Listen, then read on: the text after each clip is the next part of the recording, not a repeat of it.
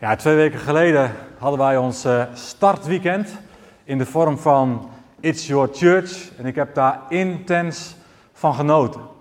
Soms is het zo dat, dat pas als je iets weer opnieuw ervaart, uh, ontdek je pas hoezeer je het hebt gemist. Ik vond gewoon de ontmoeting met zoveel mensen weer samenkomen, God aanbidden, maar ook echt juist uh, hier samen God ontmoeten en elkaar ontmoeten, maar ook op de terrasjes en in de hal. Uh, ik denk, oh, wat hebben we dit gemist? En wat is inderdaad gemeente zijn, draait om ontmoeting met God en met elkaar. En ik vond dat een fantastisch startmoment, startweekend. En het smaakt ook echt naar meer. En gelukkig ontstaat er meer en meer ruimte om elkaar te ontmoeten. Dus daar gaan we vol en vrolijk mee door het nieuwe seizoen in. En vorige week was eigenlijk ook een, een startweekend, zou je kunnen zeggen. Dan zijn we weer opnieuw gestart met de communities. De eerste community zondag van het jaar. Ook even in een uh, andere frequentie, deels misschien wel in een andere vorm dan we afgelopen jaar hebben gedaan. Uh, maar ik heb ook daar weer van genoten. Gewoon uh, ook in mijn eigen kleine community in Pijzen, in ons eigen dorpshuis, bij elkaar komen. het is goed. Het is mooi om, heel vaak, niet altijd, maar in de meeste gevallen wel, je eigen geografische omgeving. Gewoon broers en zussen te ontmoeten en samen op te trekken. Ook in andere vormen dan we hier op zondag zijn gewend. Dus daar gaan we ook vrolijk mee door en vol eigenlijk overtuiging mee door. Uh, en ik me ook voorstellen dat je hier zit en denkt, oh ja, die communities. Daar, uh, A, of ben ik nooit bij aangehaakt, of B, ja, daar ben ik vorig jaar wel bij aangehaakt, maar ook afgehaakt. Dat was allemaal gedoe met al die maatregelen, et cetera. En uh, oh, het is alweer begonnen, dus nou ja, laat maar. nou, laat maar is, is, nooit, voor mij is nooit dat een goede optie. Laat maar. Nee joh, als je denkt van, oh, maar wacht even, communities, ja, dat zou best iets kunnen zijn. En ik denk dat het iets voor je is, in alle vertrouwen. dan kun je daar gewoon ook nu alsnog weer bij aansluiten. Dat is geen enkel probleem. Stuur even een mailtje naar administratie.destadskerk.nl en we gaan gewoon kijken uh, waar een plek is voor jou, want er is altijd plek. En ik denk dat het een hele belangrijke vorm wordt ook voor de toekomst van kerk zijn. Om samen te komen in allerlei verschillende soorten en misschien ook wel type communities. Dus daar zijn we ook mee gestart en uh, nou, kom daar vooral in mee als het nog niet is gelukt. En anders blijf daarin mee bouwen. En vandaag is eigenlijk de derde start. Ook weer een nieuwe start, want vandaag starten we een nieuwe prekenserie. Toen wij in het voorjaar eigenlijk ook aan het nadenken, aan het bidden waren van, oh, Heer, straks als uh, hopelijk na de zomer er weer veel meer ruimte komt om weer kerk te zijn zoals we zijn gewend. Wat is dan een prekenserie waar we dat seizoen mee in mogen? It's Your Church was ook al een statement uh, als weekend. Heer, het is uw gemeente. En als u het huis niet bouwt, vergeefs zoeken de bouwlieden. Dat is waar we ons heel bewust willen zijn en van waaruit we dit seizoen ingaan. Maar toen we bezig waren van, Heer, maar wat hebt u voor ons? Uh, waar mogen we koersen voor het nieuwe seizoen? En toen kwamen we uit op het prekenserie over radicaal leven. Radicaal leven en vandaag radicaal Jezus volgen. Want dat is wat we willen als stadskerk. Niet meer en niet minder. Wij willen radicaal Jezus volgen. En het kan zijn dat je dat misschien wel op dit moment verbaast. Naar aanleiding wat je zelf denkt, of naar aanleiding wat je anderen hebt horen zeggen over um, ja, hoe wij gemeente willen zijn. Ook als het gaat om het onderwerp relatieethiek, waar we volgende week weer een avond over hebben. Ik hoor daar van allerlei dingen over die aan de hand zouden zijn. Uh, daar hoor ik ook heel veel dingen over waar ik denk van nou, dat zijn geen goede conclusies. Want A, ze hebben we niet bedoeld, niet bedacht en niet geconcludeerd. Dus ja, daar moeten we het hoog nodig over hebben. Want wij willen in deze gemeente radicaal Jezus volgen.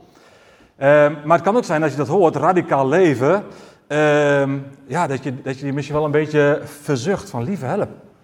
Kunnen we niet gewoon weer een beetje rustig opstarten? Kunnen we even niet weer wennen aan hoe kerk zijn ook alweer was?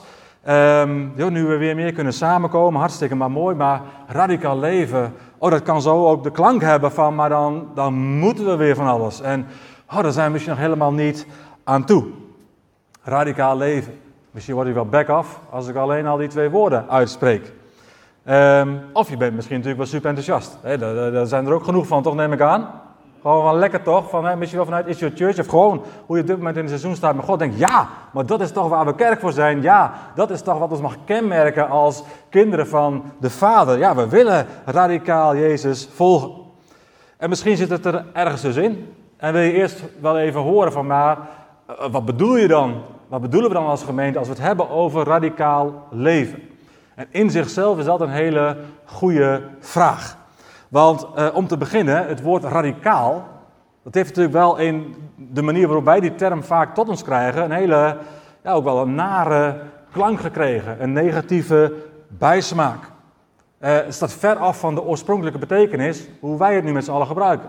Als iemand is geradicaliseerd, dan denken wij al gelijk aan de Taliban of IS. Of als iemand radicaliseert, misschien wel in onze opzicht in hoe je omgaat in deze maatschappij, of hoe je de wereld duidt, of de regering duidt, of corona duidt of niet. Ja, dan, dan kunnen we zomaar ergens de term uh, wappie opplakken. En eigenlijk zeggen we, ja, die is geradicaliseerd in zijn opvattingen. Jo, maar daar moeten we heel terughoudend in zijn. Want dan ben je aan het oordelen over de ander. En als je iemand veroordeelt of een sticker opplakt, ja, dan schiet je per definitie uit verbinding. En ik denk juist in verbinding leer je elkaar beter begrijpen. Dus wees daar ook voorzichtig mee. Maar dat is ja, de term radicaal zoals die wordt gebruikt. Maar dat is helemaal niet zoals hij oorspronkelijk heeft bedoeld. En eigenlijk hebben we een beetje gezegd, wij willen die term terug. Wij willen de term radicaal terug in zijn oorspronkelijke betekenis. Er wordt ons zoveel geroofd en we willen dingen terug. En we willen dingen weer kunnen gebruiken zoals ze oorspronkelijk zijn bedoeld. Ik bedoel, ik zou het bijvoorbeeld niet aandurven om vanochtend op mijn PowerPoint met de Bijbeltekst een regenboog te laten zien. Jaren terug kon dat sowieso niet, want dan was je misschien wel te veel opgeschoven naar New Age. Hè? Die hadden ook de regenboog al gejat. En nu, als ik het nu doe, dan uh, krijg ik meteen de reactie. Maar wat wil je daarmee communiceren als het gaat over LHBT? Nou, helemaal niks. Ik wil de regenboog terug. Want de oorspronkelijke betekenis van de regenboog is Gods trouw bij deze schepping. Eh, de regenboog in mijn persoonlijke leven staat voor Gods trouw bij mijn leven, staat voor Gods trouw bij deze gemeente. Er zijn zoveel dingen geroofd en we willen ze gewoon terug. Ja, je mag best klappen, vind ik, maar is een oorspronkelijke betekenis. En zo gaat het ook over radicaal. Want radicaal is afgeleid van het woord radix. En dat betekent wortel. Dus hoe, uh, en eigenlijk geeft dat een hele mooie lading aan de, aan de term. Uh, want wortelen, ja, dat betekent waar gaat het echt om? Waar liggen onze prioriteiten? Maar nog veel meer, uh, hoe zijn wij geworteld? Zijn wij geworteld en gegrondvest in de liefde van God? Dat is radicaal. Dat is radix. Dat is geworteld zijn. Dat is de basis van waaruit allerlei mooie, goede, radicale keuzes kunnen volgen. Maar het begint met hoe ben jij geworteld? Waar liggen onze prioriteiten? Want de keuzes die, die jij en ik dag en nacht, of dag en nacht, ja, dag en nacht soms natuurlijk wel, hè, maar dag in dag uit maken in, in wat je denkt, in, wat je zegt, in wat je kiest, in wat je wel doet en wat je niet doet. Ja, de vraag is, waar vinden al die keuzes hun wortels in jouw leven? Wat ligt daaronder? En als we focussen op het onderwijs, als we focussen op, op, de, op de missie van Jezus, dan zie je dat, dat hij ook hele radicale keuzes maakte. En, en dat hij ook zonder schroom inging tegen de heersende moraal om hem heen.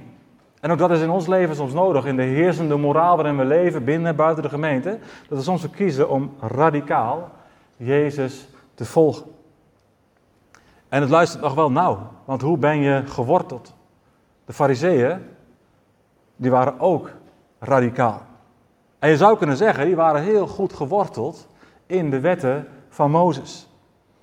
En ik zou absoluut willen beweren dat ik proef en zie joh, wat ze deden, deden ze echt uit liefde voor God en voor zijn heiligheid. De God die een heilig was, de wetten die een heilig waren. En toch, en toch, strijdt Jezus tegen hun vorm van radicaliteit. En dat is een hele belangrijke. Radicaliteit heeft dus hele verschillende klanken, maar ook hele verschillende wortels. En wat is dan het verschil? Nou, in een paar punten, wat nooit helemaal de lading dekt, maar wat wel aardig de lading dekt, denk wat de essentie weergeeft. Als je kijkt naar de prioriteiten van de fariseeën, waar hun keuzes op gebaseerd zijn, dan zijn zij heel erg bezig met het juiste gedrag. Als het aan de buitenkant maar klopt. En als het juiste gedrag er niet is, en als de buitenkant niet klopt, ja, dan schieten ze vrij snel door in, in, in een verlangen naar heiliging, naar uitsluiting.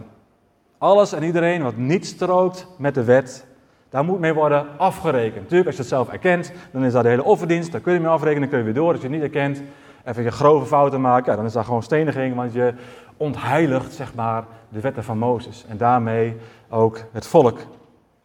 Dus het juiste gedrag, de buitenkant klopt, uh, en heiliging door uitsluiting. Maar als ik dan kijk naar Jezus, dan zie ik zo'n fundamenteel verschil. Jezus kijkt niet naar het juiste gedrag. Jezus is bezig met het juiste hart. Jezus is niet zozeer bezig met de buitenkant en of het allemaal wel klopt. Jezus heeft een diep verlangen om ons te vernieuwen van binnenuit.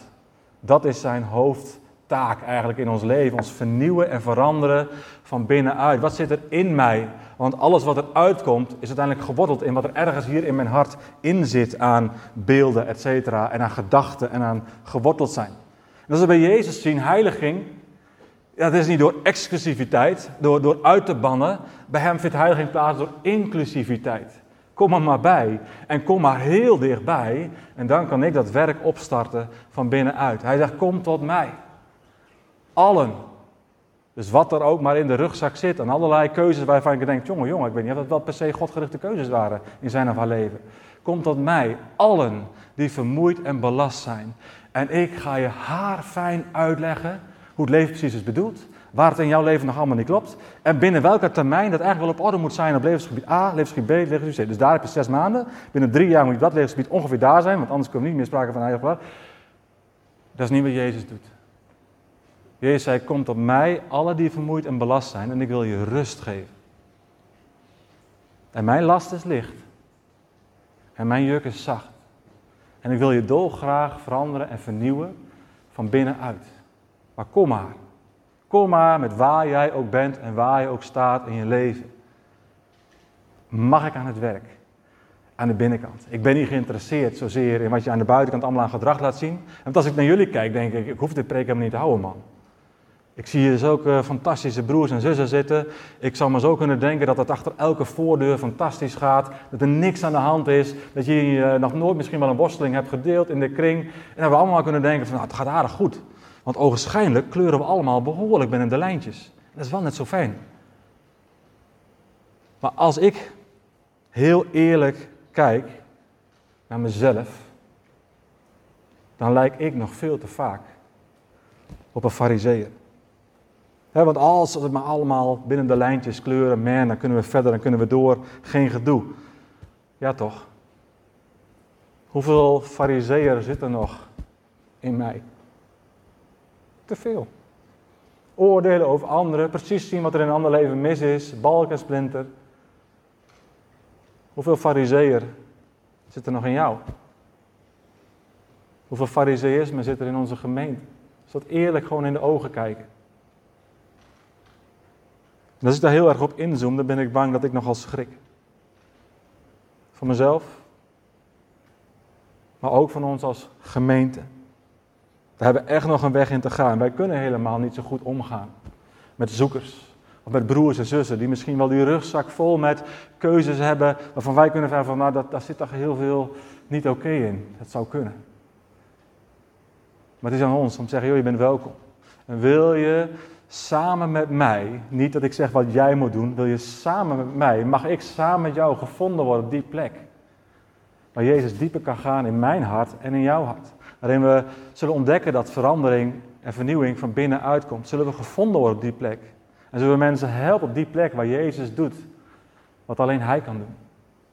Diepe woorden van waarheid en liefde spreken. Ons bevestigen in onze identiteit als geliefde zonen en dochters. En ja, de geest wil zeker in ons leven werken en laten zien waar dingen echt nog anders kunnen. Omdat dat het goede is. Omdat dat niet langer onszelf en anderen zal beschadigen. Maar de focus ligt al te snel bij ons, bij mij, op, op gedrag. Wat aangepast moet worden, dat je andere keuzes moet maken. En soms is het goed om daarop aan te spreken. Maar het risico is, is dat dat dus aan de buitenkant blijft hangen. En dat we dan toch die kerk worden waar ik zelf vroeger, toen ik niet geloofde, een bloedhekel aan had, met het opgeheven vingertje. Dat mag niet van God en dat is verkeerd en dat mag je niet meer doen. En denk ja, oké, dat is goed, gaan we niet meer doen. Maar als het niks verandert van binnenuit, dan hou je dat niet vol. Dat is niet de route van Jezus. Het is de route van de fariseeën. We moeten elkaar op die plek brengen. Elkaar, hè? niet de ander buiten de plek aan de voeten van Jezus. Samen aan de voeten van Jezus.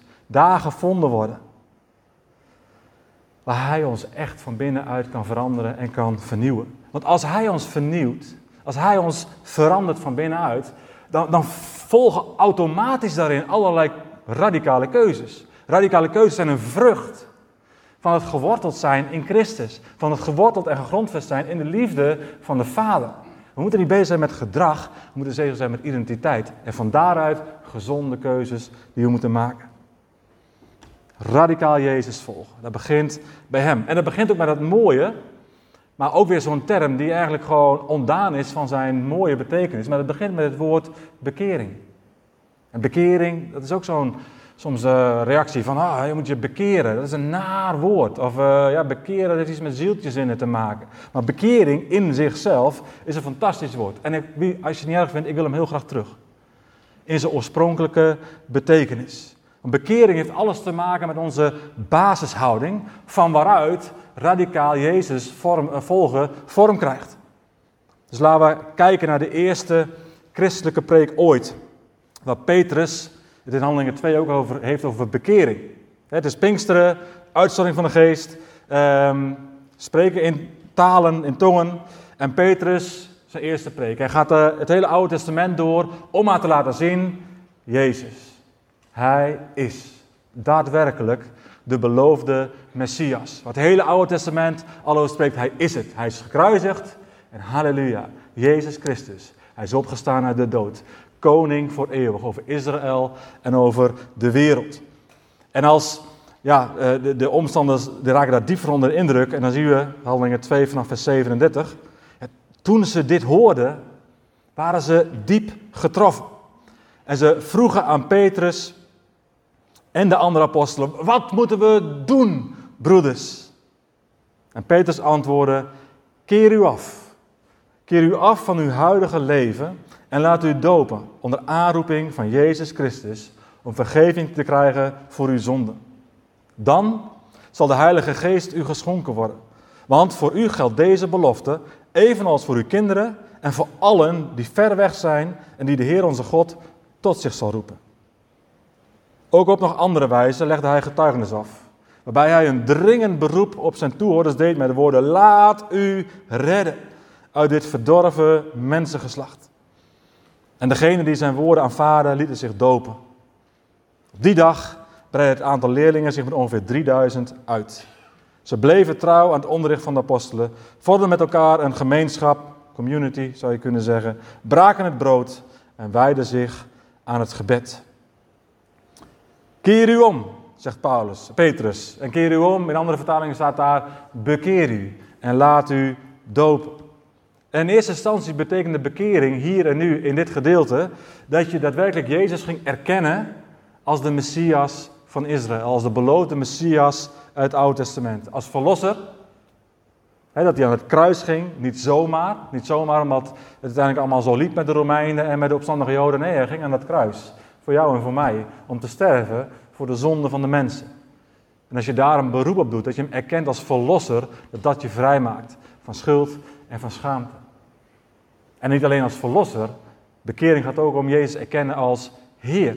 Dat je ook zegt van, maar u bent mijn Heer, u mag mijn leven ja, bepalen eigenlijk. Dat je Jezus toestemming geeft om je leven, dat je zegt, ik wil u volgen als Heer. Niet alleen maar, ik ben gered, ik heb mijn ticket voor de hemel, of als je maar zo smal zou kunnen denken, maar Heer, hier ben ik. Ik geef me over en ik wil u volgen als Heer van mijn leven, omdat ik geloof dat u goed bent, omdat ik geloof dat als u iets vraagt van mij, dat het ook het beste is voor mijn leven, maar ook voor de levens om mij heen. Dus bekering is daarin een basishouding. En, en het werd eigenlijk meteen bekrachtigd door de doop. De doop als startmoment in het willen volgen als Heer van je leven. Niet als examen, maar als startmoment. En de basishouding van bekering is, ja, maar ik, ik, ik ga mijn weg in het leven. En ik heb daarin mijn inzichten, ik heb mijn plannen, ik heb mijn uitgestippelde route. Uh, en ik heb mijn keuzes en mijn willen en ik ga mijn weg in het leven. En bekering is eigenlijk dat je zegt, ja maar, niet mijn wil, maar, maar uw wil geschieden. En heel vaak betekent dat wel degelijk dat, dat, dat het als niet meer wat uit mij wil, dat ik de koers verleg en dat ik bereid ben om de weg te gaan die Jezus mij wijst. En dan kun je denken, oké, dat is mooi. Dat beslis je één keer. Je komt tot geloof, je komt tot bekering. En daarbij zeggen, ja, ik wil Jezus volgen als Heer. Maar bekering is geen eenmalig moment. Bekering is denk ik een dagelijks ritueel. En ik denk dat we heel vaak de term niet zo geladen hebben. Maar ik denk dat het heel belangrijk is om daar wel zo over te spreken. Elke dag, steeds opnieuw mag ons gebed zijn, Heer laat me zien of ik niet op een heilloze weg loop, zoals Psalm 139 daarover spreekt. Op welk levensgebied dan ook. Want als dat zo is, dan wil ik wandelen op de weg zoals u die hebt uitgestippeld op dit thema. Dus als ik in mijn leven wandel op, op de weg van, van financiën en ergens, en ik bid dat gebed van Heer, is er een heilloze weg? En Heer zegt, joh Arjan, zullen we het eens hebben over financiën? Zullen we het eens hebben over hoe je daar hele mooie keuzes in maakt? Hoe je op zich daar allerlei mooie, ja, op een goed pad loopt. En hoe je toch af en toe een afslag neemt, op een ongezonde manier bezig bent met financiële zekerheid voor de toekomst. Mag we daarover hebben, Arjan? Wil je daarin mijn weg gaan? Ja, Heer, dat wil ik. Ik wil erin uw weg gaan. Oké, en als het dan gaat, en ik bid en de Heer zegt, zullen we het eens hebben over uh, goedkeuring van anderen en eer van mensen. Arjan, hoe, ver uh, speelt dat nog? Loop je daarin misschien toch een stukje op een heilige weg, dat je toch bezig bent met of anderen jou wel goedkeuren? Of jullie vandaag deze preek wel oké vinden of niet oké vinden? Arjan, dat is een heilloze weg. Wil je je omkeren en wil je er in mijn weg gaan en vertrouwen dat als ik je daarin dingen geef en je overtuiging hebt dat je dat staat gewoon in mijn naam, in alle bescheidenheid. En niet manipulatief, maar wees dan vertrouwen. Dat ik doe wat ik alleen kan doen en laat het los. Wat andere mensen daarvan vinden. Als ik op het gebied van seksualiteit goede keuzes maak, mooie keuzes maak. Maar als er ergens sprake zou kunnen zijn dat ik, wat ik ook maar denk of doe op het gebied van seksualiteit, Claudia als mijn vrouw niet zou eren. Dan geloof ik dat Jezus daarin wil spreken. En dat het naar mij is om te zeggen, ik keer me om. Ik wil niet op die weg gevonden worden. Ik wil Claudia eren in alles wat gaat over seksualiteit. Heer, ik wil uw weg volgen. Dus dan zie je, bekering, dat kan op allerlei verschillende levensgebieden effect hebben. En bekering, dat is een dagelijks, of misschien wel wekelijks ritueel. In de zin van dat we ons steeds weer bewust zijn van, maar waar loop ik eigenlijk? En als mensen hier binnenkomen, ja, dan kunnen we zeggen, je moet je bekeren of zo. Um, maar, maar waarvan dan? En soms zien we wel dingen van, oh, dat is inderdaad, uh, daar, zijn nog wel wat godgerichte keuzes te maken. Ja, maar er komen hier mensen binnen met uh, twee uh, heilloze wegen. En sommigen die hebben misschien wel zes heilloze wegen, of sommigen hebben acht heilloze wegen op allerlei verschillende levensgebieden. en dan kunnen we naar kijken, maar we kunnen vooral even kijken naar onszelf. Op hoeveel heilloze wegen wandel jij in je leven? En, en mag God daarin spreken? Mag Hij dat aanstippen in je hart? Mag Hij je laten zien? Soms weet je het heel goed, maar soms is er ook openbaring nodig. Dat je denkt van ja, dat had ik helemaal niet in de gaten. Dat ik op die manier met dat onderwerp bezig was. Maar er is openbaring. En openbaring vraagt uiteindelijk om een reactie. Wat doe je daarmee? Ben je bereid om je dan om te keren? En de weg te volgen die Jezus je daarin laat zien. Want Jezus, hij heeft het beste zicht. Hij is het beste zicht op wat er speelt allemaal in onze levens. Maar wat heel belangrijk is, Jezus heeft ook het beste zicht op de juiste volgorde. Soms als ik ook wel eens in gesprek ben, dan denk ik van, nou heer, ik heb aardig zicht op wat er allemaal mis is. En, uh, en soms is dat goed. En uh, soms zie ik iets en dan zeg ik, heer, maar, maar, moet daar niet iets mee in het leven van deze broer of zus? En soms zegt Jezus, soms hè, ja, ga maar in gesprek. Want dat zie je goed, daar, moet iets mee. En wil jij daarop verbinden in liefde en in waarheid, om, om, om gewoon te kijken vanaf je daar in verbinding kunt komen en verder kunt komen. Maar veel vaker is het zo dat, dat als ik iets denk te zien, dat de Heer zegt, Arjan, mondje dicht. Want jij ziet nu een stuk van het leven, daar ben ik nog helemaal niet aan toe man. Ik ben met hele andere dingen bezig. Ik ben met een veel groter werk bezig aan de binnenkant. En als aan de binnenkant er heling en genezing plaatsvindt, als aan de binnenkant daar een gezonde identiteit ontstaat, dan is dat helemaal niet meer het probleem. Arjan, hou je waffel over dat levensgebied, want het is niet voor nu. Mag ik de regie? Mag ik de timing bepalen? En ergens is voor mij de vraag, en voor onze vraag, vertrouwen we Jezus? Vertrouwen we Jezus eigenlijk wel? Dat Hij op zijn tijd, op zijn volgorde, gewoon dingen heel wil maken. In mijn leven, heb je nog een beetje geduld alsjeblieft, want ik ben nog lang niet af. Ik weet het, ik weet het, ik weet het. Maar ook in jouw leven. En ook in alle levens om ons heen. En de nieuwe levens die ook binnenkomen. Dat gebeurt gewoon. Dat is toch fantastisch? De afgelopen week dat gewoon mensen weer tot levend geloof komen. Dat ze zich voor het eerst bekeren. Halleluja. En denk wel, er zijn misschien nog wat keuzes te maken. Ja, tuurlijk zijn er keuzes te maken. Maar zullen ze eerst helpen om te wortelen in een hele gezonde identiteit, in de liefde van de Vader.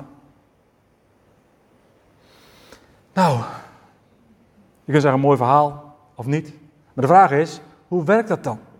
Hoe, hoe, eh, hoe kan het nou in jou en in mijn leven ook daadwerkelijk meer gestalte krijgen? Dat je, dat je daadwerkelijk in zo'n proces komt, dat je ontdekt van, oh, er zijn een, de, heilloze weg heb ik altijd als, als één iets gezien, ik wel heel lang. Denk, de, de heilloze weg uit Psalm 139, oh, dus één route waar je fout op zit. Er zijn natuurlijk allerlei verschillende routetjes, misschien wel op verschillende levensgebieden. Je kunt wel op acht heilloze wegen actief zijn. Eh, hoe, hoe maak je daar dan een levensstijl van, dat de geest daar ook in kan spreken? Um, en dan verklap ik het eigenlijk al, de geest. Paulus, die doet hier uh, een belangrijke oproep toe in de brief aan de gelovigen in Colosse, Colossense 3 vers 2. Hij zegt, richt u op wat boven is en niet op wat op deze aarde is. En oh, wat zijn we druk hè, met alles wat er wel op deze aarde is. En alles wat ons kan aankleven, en alles wat er maar op ons afkomt via allerlei soorten media. Oh, wat zijn we druk met deze aarde. En dat, dat, dat Paulus hier een hele belangrijke waarheid heeft. Richt u op wat boven is. Ja, mooie tekst, Paulus. Maar hoe dan? Amen. Hoe maak je daar een levensstijl van? Als de realiteit is dat we in deze wereld leven, van waaruit ook zoveel wel degelijk op ons afkomt. De oplossing is echt de Heilige Geest. De Heilige Geest, waar Petrus het ook over had in Handelingen 2, bekeer u laten doven, de belofte van de Geest, die zal ook over jou komen.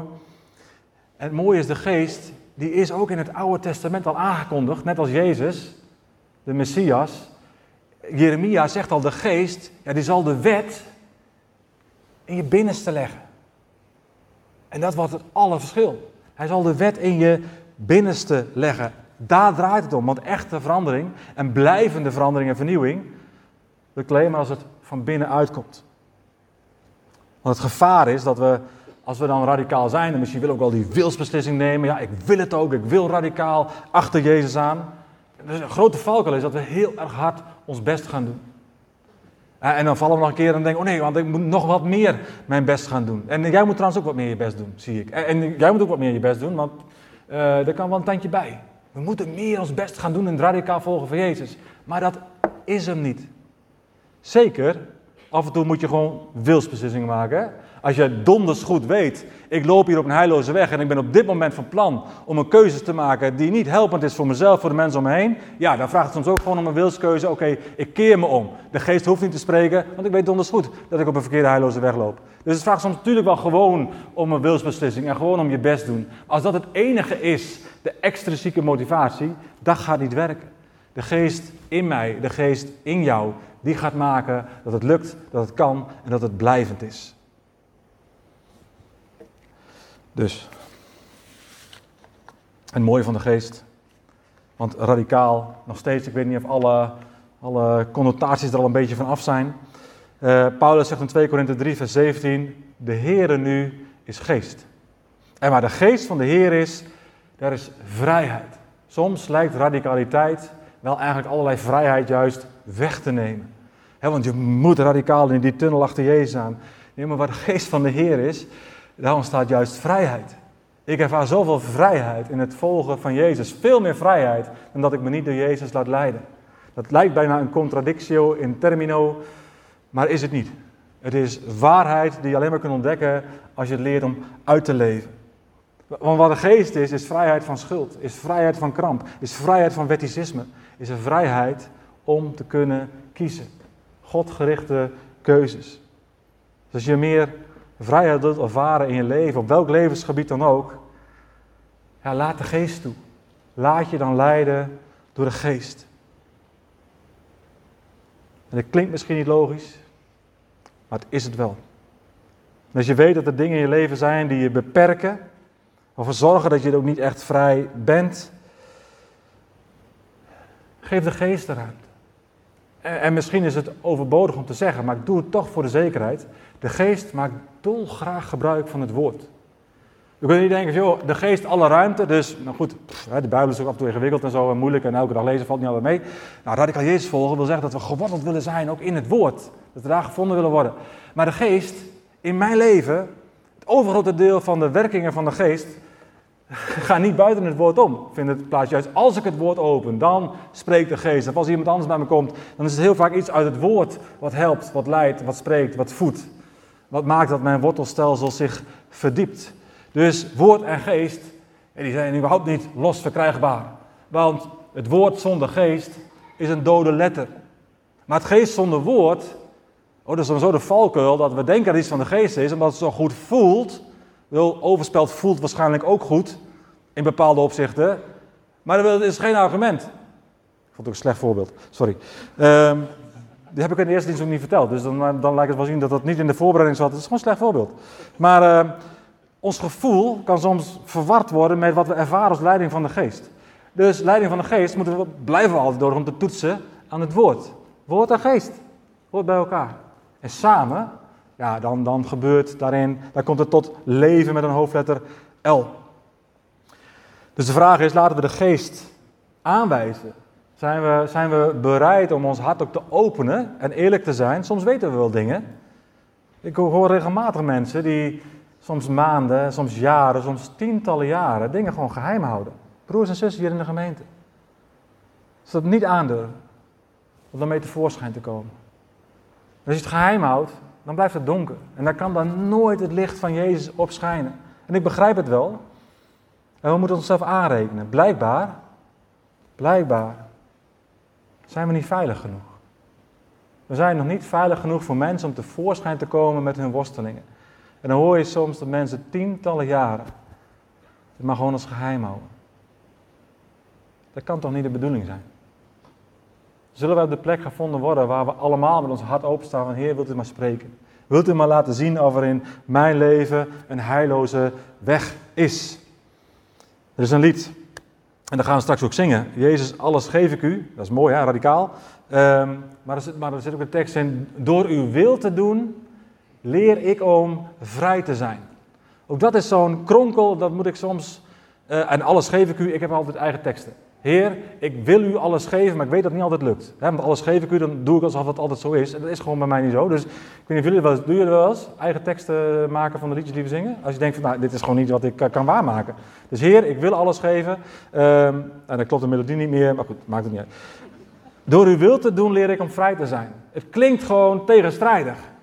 Maar het is waar. En ik hoop dat je het al hebt ontdekt in je leven. Dat als je je leven inricht naar, naar, de principes van God, naar Gods wil, dat het inderdaad vrijheid bewerkt.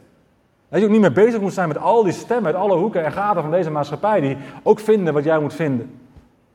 Maar als Jezus spreekt, ontstaat daar ruimte, ontstaat daar vrijheid. Dat is de kern van radicaal leven. En ja, radicaal leven vraagt dus onderweg om radicale keuzes. Maar die radicale keuzes die ga je maken als jij dieper geworteld bent in de liefde van de Vader. En als je Jezus steeds beter leert kennen. Johannes 15. Verbonden zijn. Blijf in mij, dan blijf ik in u. Als je hebt over geworteld zijn. En dan zul je veel vrucht dragen vanuit dat ultieme wortelstelsel dat Jezus zelf is als de ware wijnstok. En dan is de vraag, want dat is wel een kernvraag, altijd. Als het gaat om Jezus volgen, als het gaat om willen leven naar de richtlijnen die God voor ons heeft, vertrouw je Jezus? Geloof je echt dat de Vader goed is? Dat als Hij iets van je vraagt, dat het altijd is. Niet om je te beperken, niet om een feestje te verstoren, niet om te denken van nou, ga maar lekker even uh, bekrompen leven, want die christenen zijn saai en bekrompen, hoor ik wel eens. Uh, ik heb het mooiste leven wat ik mag, kan leven, maar vertrouw je God dat als hij iets van je vraagt, dat het altijd is omdat hij het beste voor je wil.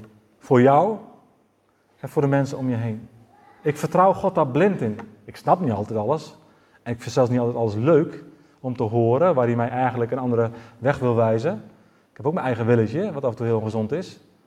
Maar ik vertrouw hem wel. Ik weet dat God goed is. In al mijn vezels. Dus als hij iets vraagt, dan wil ik vertrouwen. Dat hij er altijd het beste voor ogen heeft. Ik wil afsluiten met een vraag. En dat ook vertalen in een gebed. En de vraag is simpel. Wil jij radicaal Jezus volgen? Wil je dat? En misschien is het wel dat je vandaag voor het eerst ja kunt zeggen en wilt zeggen op die vraag. Ja, Ik wil radicaal Jezus volgen. En, en als je Jezus radicaal wil volgen, joh, maar op, op welk levensgebied? Gewoon even, even eerlijk, hè? Op welk levensgebied bij jou? Is er nog misschien wel een stuk bekering, een stuk omkeren, een stuk vrijheid nodig? Mag de geest daarin vandaag spreken? Mag hij aanraken waar hij gewoon iets beters voor je heeft? Ik wil voorstellen om daarvoor te bidden, want ja, bij jou zit het misschien in geld en bezit. Of bij een ander zit het misschien op het gebied van seksualiteit. Of merk je, ik ben nog steeds een slaaf van de goedkeuring van anderen. En dat is niet wat God voor je heeft. Of dat je merkt, veel, maar ik zit maar steeds in die oordelende positie over anderen. Ook dat is een heilloze weg. Oordeel niet, opdat jij niet geoordeeld zult worden, zegt de Bijbel. Of dat je niet de ander oordeelt, maar dat je altijd maar bezig met jezelf veroordelen. Dat je altijd maar vastzit in afwijzing van jezelf. Dat is niet hoe de Vader wil dat jij naar jezelf kijkt, want zo kijkt Hij niet naar je.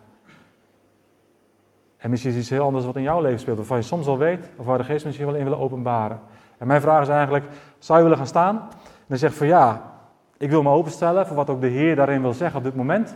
Gewoon iedereen mag gaan staan hoor. Dat is niet eh, dat je denkt van ja, als ik iets wil of zo.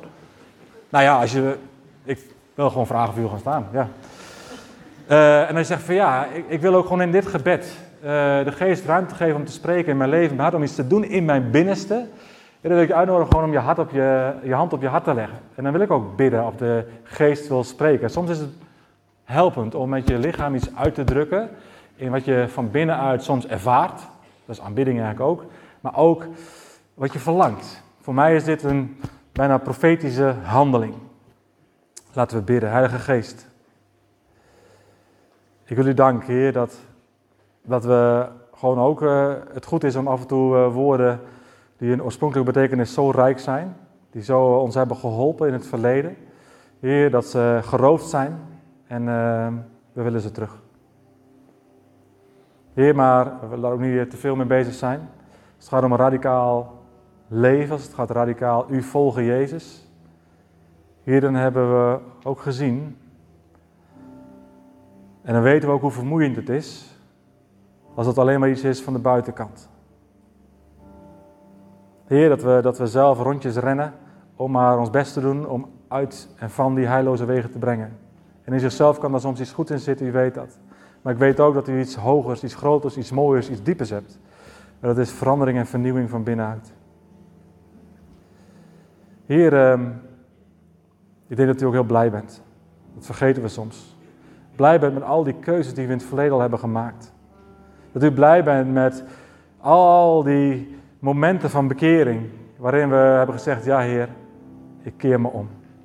Voor het eerst om u te erkennen als verlosser en Heer. En misschien is dat voor jou vandaag het moment. Heer, maar ook op allerlei verschillende momenten, op allerlei verschillende levensgebieden. Dat we zeggen, ja, ik wil mijn leven ook op dit levensgebied inrichten zoals u het bedoelt. Momenten van bekering waar u dankbaar voor bent, waar u trots op bent. Ja, maar we willen ook gewoon komen nu. En bidden of u wilt spreken door uw geest. Als wij stil worden. Heer, wilt u aanwijzen of in ons hart door ook gewoon een duidelijke gedachte binnen te laten komen. Of er een heilloze weg is. En dat u daar dolgraag ook in wilt werken. Ik ontzeg de duizend ook het recht om dat te verstoren. In de naam van Jezus. Heer, wilt u spreken op dit moment. In ons hart. Door uw geest.